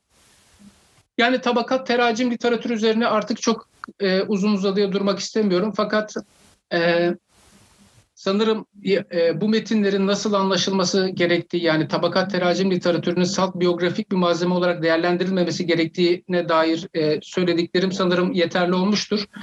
E, bu dönemin tarihleri ikiye ayrılabilir. Bunları çok uzun uzadıya üzerinde durmayacağım kesinlikle. Genel tabakatlar ve belirli zümreye has tabakatlar olabilir bunlar. Ee, genel tabakatlar arasında sadece bir tanesine dikkat çekmek istiyorum. Eyyü, Zengi ve Eyyubi tarihi açısından çok kritik olduğu için Ebu Şame'nin Teracüm-ü Ricalil Karneyn-i Sadis ve Sabiye 6 ve 7. asır e, Şam, daha çok Şam ve aslında Mısır e, uleması içinde son derece önemli bir kaynaktır bu. Belli bir yüzyıla hasredilmiş, iki asra hasredilmiş e, önemli bir e, metin teracim. Kitab-ı Ravzateyn'in zeylidir aslında ama e, daha çok teracim ricali Kane-i Sadis ve Sabi olarak bilinir. Yine buradan aslında paylaşmak istediğim örnekler vardı. Yani tabakatların nasıl ilim hayatına kaynaklık edebileceğine dair bazı örnekleri sizlerle paylaşmak istiyordum ama sanırım zamanı aştık. Sadece e, belki takibi şu an e, buradan zor olabilir ama sadece şunu söyleyeyim. Bu eserlerde bir alimin hayatından bahsederken hiç değişmeyen e, bir üslubun neredeyse takip edildiğini görüyoruz. Bu iki örnek sanırım Sübki'dendi. E, Sübki'nin tabakatındandı. Biri e, yanlış hatırlamıyorsam Fahrettin İbni Asakir'den e, almıştım. Biri de ibn Salah'ın biyografisi olmalı. İki örnek. Bu tabakat metinlerinde hiç değişmeyecek şekilde mesela bir alimin ismi, künyesi, doğum tarihi, ilmi seyahatleri ve hocaları, öğrencileri, e, görev yaptığı kurumlar ve medreseler hakkında neredeyse tabakat kitaplarının bütün örgüsü e, hiç sekmeyecek şekilde bunlar üzerine kuruludur. Bunların dışında tabii ki arada birçok şey e, zikredilir, ele alınır ama bunlar neredeyse hiç değişmeyecek şekilde e, zikredilen hususlar. Evet. Adab ve ahlak türü eserleri ya bunlar üzerinde artık çok durmaya vakit yok ama sadece bir iki eseri özellikle paylaşayım Aa, isterseniz. Tamam hocam. E, süremizi çok çok açtık. Hatta tamam hocam. Peki o zaman bitireyim. Sadece bu eserlerin e, dönemin e, özellikle ilmi kurumları ve mansıpları için doğrudan tarihler e, elde etmek noktasında araştırmacılar için büyük kolaylık sağladıklarını işaret etmekle isterseniz yetineyim. Süremi açtım, açtım biraz kusura bakmayın lütfen. E, teşekkür ederim. Biz teşekkür ederiz. Tabii Harun Hoca'ya genç olduğu için bizlerden hocam daha fazla zaman ayırdık. Gençlere yönelik bir program yapıldığı için hocalarım da daha önce söylemişlerdi. Evet. Harun Hoca'ya teşekkür ediyoruz değerli görüşleri, kanaatleri için. İnşallah arkadaşlarımız, e, takip edenlerimiz, sevgili izleyicilerimiz bu e, fikirleri, bu e, kanaatleri, bilgileri inşallah yazılı olarak da okuma imkanına kavuşmuş olacaklar. Değerli hocalarım çok büyük e, keyifle dinlemeye çalıştım. E, ben çalıştığım alanı da biliyorsunuz memlükler, Mısır'ı çok önemsiyorum. E, İLEM'in bu anlamda böyle bir çalıştay düzenlemiş olması çok önemli. Sahileri meşgul olsun. Hepsine çok teşekkür ediyoruz. Şimdi aslında süremizi bir miktar açtık ama birazcık da müzakereye zaman ayırmamız gerekiyordu. Müzakereye daha fazla zaman ayırmamız gerekiyordu. Bir gözümde devamlı chat kısmında orada bir takım sorular geliyordu. Birkaç tane soru gelmiş. E, bu sorulardan az soru geldiği için zamanı da o yüzden rahat kullanmaya çalıştım. E, bu sorulardan bir tanesi doğrudan sanıyorum Nadir Özkuyumcu hocama. Onu iletmiş olayım. E, İbn Abdülhakem ve Fütuhu Mısır ve Ahbaruha adlı bir yüksek lisans ses çalışmamız var. Nadir hocamızın bu konuda bize tavsiyeleri neler olabilir gibi e, ekran üzerinden bir anlamda danışmanlık talep edilmiş hocam. Ama ben aktaracağım size söylemiş olayım. Buyurun hocam. Yani öncelikle teşekkür ederim böyle bir e, tez yapıldığı için. E, yani burada yapılması gereken şey İbn Abdülhakem'in biliyorsunuz eseri üç değişik isimle anılıyor. Sadece Fütuh Mısır değil. İçin içinde e, diğer e, isimleri ben şuradan hemen söyleyivereyim. Fütuh Mısır vel Marif vel Endülüs bir diğer ismi. Diğer ismi Fütuh Mısır vel İskenderiye vel Marif vel Endülüs ve Akbaruha şeklinde. Yani e, esasında Endülüs'e kadar, İspanya'ya kadar uzanan bir tarihten bahsediyoruz. Tarihten bahsediyoruz. Fakat şu kadarını söyleyelim. Mısır bölümüyle ilgili e, verdiği bilgiler daha güvenilir, daha doyurucu. Ama diğer taraftan e, İfrikiye, Marif ve Endülüs bilgileri daha kısa. Bu da muhtemelen e, ya kendisinin ilgi alanı Mısır'da olduğu için daha çok Mısır'a yoğunlaştı ve diğer e, alanlara çok fazla e, zaman ve kaynak bulamadı. Ya da e, bu eserin bize sadece Mısır kısmı ve diğer e, bölgelerden de kısa pasajlara geldi. İbn Abdülhakem ile ilgili arkadaşım bana özelden yazsın. Ben ona geniş bilgiler vermeye çalışırım. Şu anda zaten elimde de e, Torey Neşri yanımda bekliyor. Eğer bir şey olursa diye almıştım yanıma. Torey'in buna geniş bir e, girişi var. Bundan çok istifade edecektir. E, bu anlamda e, yardımcı olmaya hazırım diyeyim. Hocam çok teşekkür ederim değerli fikirleriniz için. Şimdi e, birazcık daha süremiz var. Rahat en azından bir 10-12 dakika daha kullanabiliriz. Bir soru ortaya doğru bir soru. Onu e, özellikle aktarmak istiyorum. Aslında biraz İslam tarihi dersleri verdiğim için de üzerime almak istedim ama e, size bırakayım. Efendim soru klasik soru. Velazuri, Vakıdi, Vakidi'nin dalını görünce Yakubi demiş ama Yakubi, Mesudi adlı İslam tarihçilerinin eserlerinde Şii görüşleri benimsediklerini dinlemiştim. Bunlar doğru mudur diye bir izleyicimiz bir soru sormuş bize. Bu çok klasik bir hikayedir ama e, aranızdan hangi hocamız cevaplamak isterse buyursun. Benim bir cevabım var tabii elbette. Buyurun hocam siz. Bu dönem esasında biliyorsunuz e, Kur'an'ın mahlukluğu tartışma dönemi aynı zamanda. Evet. Evet. Yani e, olay tek başına bir Şiilik veya İsmaillik çerçevesinde ele alınamaz. Kaldı ki bu dönemdeki Şiilik e, günümüzdeki Şiilik de aynı şey değil. Elbette. elbette. Yani e, Fatımi ekolünün İsmailik dediğimiz e, Cafer-i Sadık'ın oğlu İsmail'e dayanan imamet meselesi biliyorsunuz. Bir inanç akide olarak e, gündeme geliyor. E, bunlarla ilgili e, verilen bilgilerin mesela Belevi'nin de az önce ben size e, İsmaili görüşte olduğunu söyledim ama e, Sünni olan Ahmet bin Ton'un hakkında kötü şeyler söylemiyor. Hatta güzel şeyler söylüyor. Hatta daha fazla şeyler söylüyor. Yani e, bunları e, böyle çok basite indirgeyerek e, bugünkü anlamda Şii Sünni ayrımı yapmak doğru değil düşünüyorum. Çok haklısınız hocam. Burada bir anakronizm söz konusu olabiliyor günümüzden baktığımız için. Tabii değerli izleyicimin ben sorusuna hocalarım müsaade ederse biraz İslam tarihi dersleri veren ve İslam tarihi kaynaklarıyla ilgilenmiş bir arkadaşımız olarak cevap vermek isterim. Ee, İslam'ın ilk dönemiyle alakalı bilgi veren müelliflerimizin önemli bir kısmı ile alakalı Arapça ifadesiyle teşeyyü ithamı daima vardır. Yani bir şekilde Şiileştikleri, Şii gibi davrandıkları, bununla alakalı en çok kullandıkları e, meşhur görüş de Hazreti Ali'nin ismi geçtikten sonra aleyhisselam ifadesini kullanmaları veya işte Cemel Sıdkı'nın alakalı veya daha öncesiyle alakalı bir takım ifadeleri. Bu çok e, tartışılması gereken bir şey değil ama şunu söyleyerek bitirmiş olayım. E, günümüzden de yola çıkarak gördüğümüz gibi insanları dönemin en kötü görünen şeyiyle ispat, e, isnat ettiğinizde, itham ettiğinizde rahatlıkla rakibinizi bertaraf etmiş olabiliyorsunuz. Bu bugün için nasıl geçerliyse bundan 14 asır öncesi içinde, 13, 12, 11 asır öncesi içinde geçerli. Şiilik meselesi tarihi daima tarihinin içerisinde okumak lazım. Anakronizm yapmamak lazım. Yani 3. yüzyılda yazılmış bir İslam tarihi eserini 3. yüzyılda bu adam yazarken 4. yüzyılda bu adama bir takım ithamlar getiren insanların o yüzyıl, yüzyıllardaki meşhur akımlarla, meşhur tartışmalarla ilgili olarak bu ithamları getirdiğini unutmamak gerekir.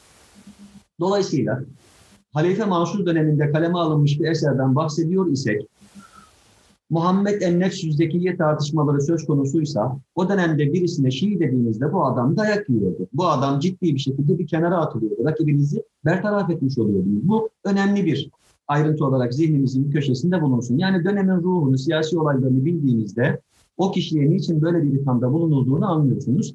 Bunların içerisinde tabii Yakubi Şii'dir. Bunu biliyoruz.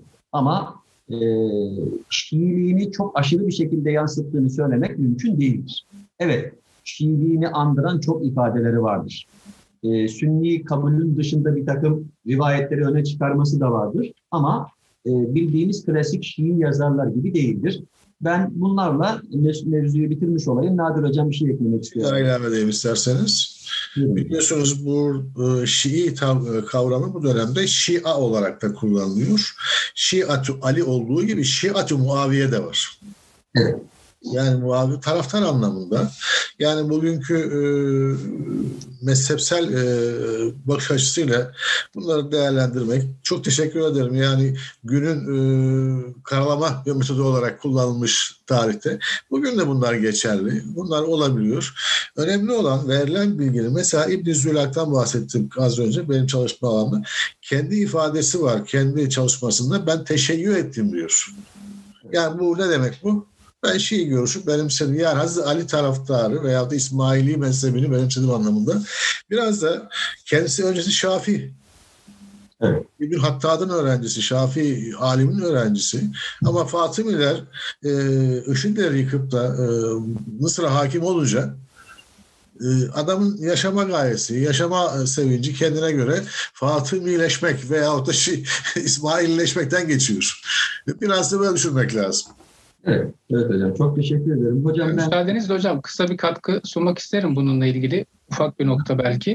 Tabii, tabii, yani şi, e, müellifin, müellif hakkında Şiilik, e, Şii olup olmaması ya da Şiilikle itham edilip edilmemesi e, yani bir müellifin Şii olması bizim açımızdan hangi noktada önem arz eder? Buna da dikkat etmek gerekiyor.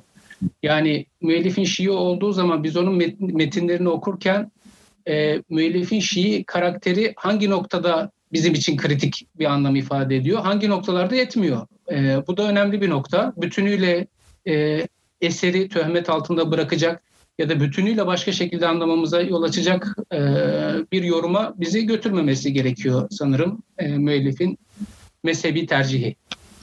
Hocam teşekkür ederim. Çok önemli bir şey aklıma getirmiş oldunuz. Burada hocalarım iyi bilirler, siz de bilirsiniz. Haruncuğum sen de bilirsin muhtemelen. Bu e, malumunuz Makrizi çok meşhur bir sünni müelliftir. Yani kendisine zahirilikten tutun da Hanbeli olmaya kadar çeşitli ithamlarda bulunulmuştur ama kendisini İsmaili kökten, affedersiniz, Fatimi kökten geldiğini kabul etmesi hasebiyle ciddi bir Ali evladı taraftarlığı da söz konusudur.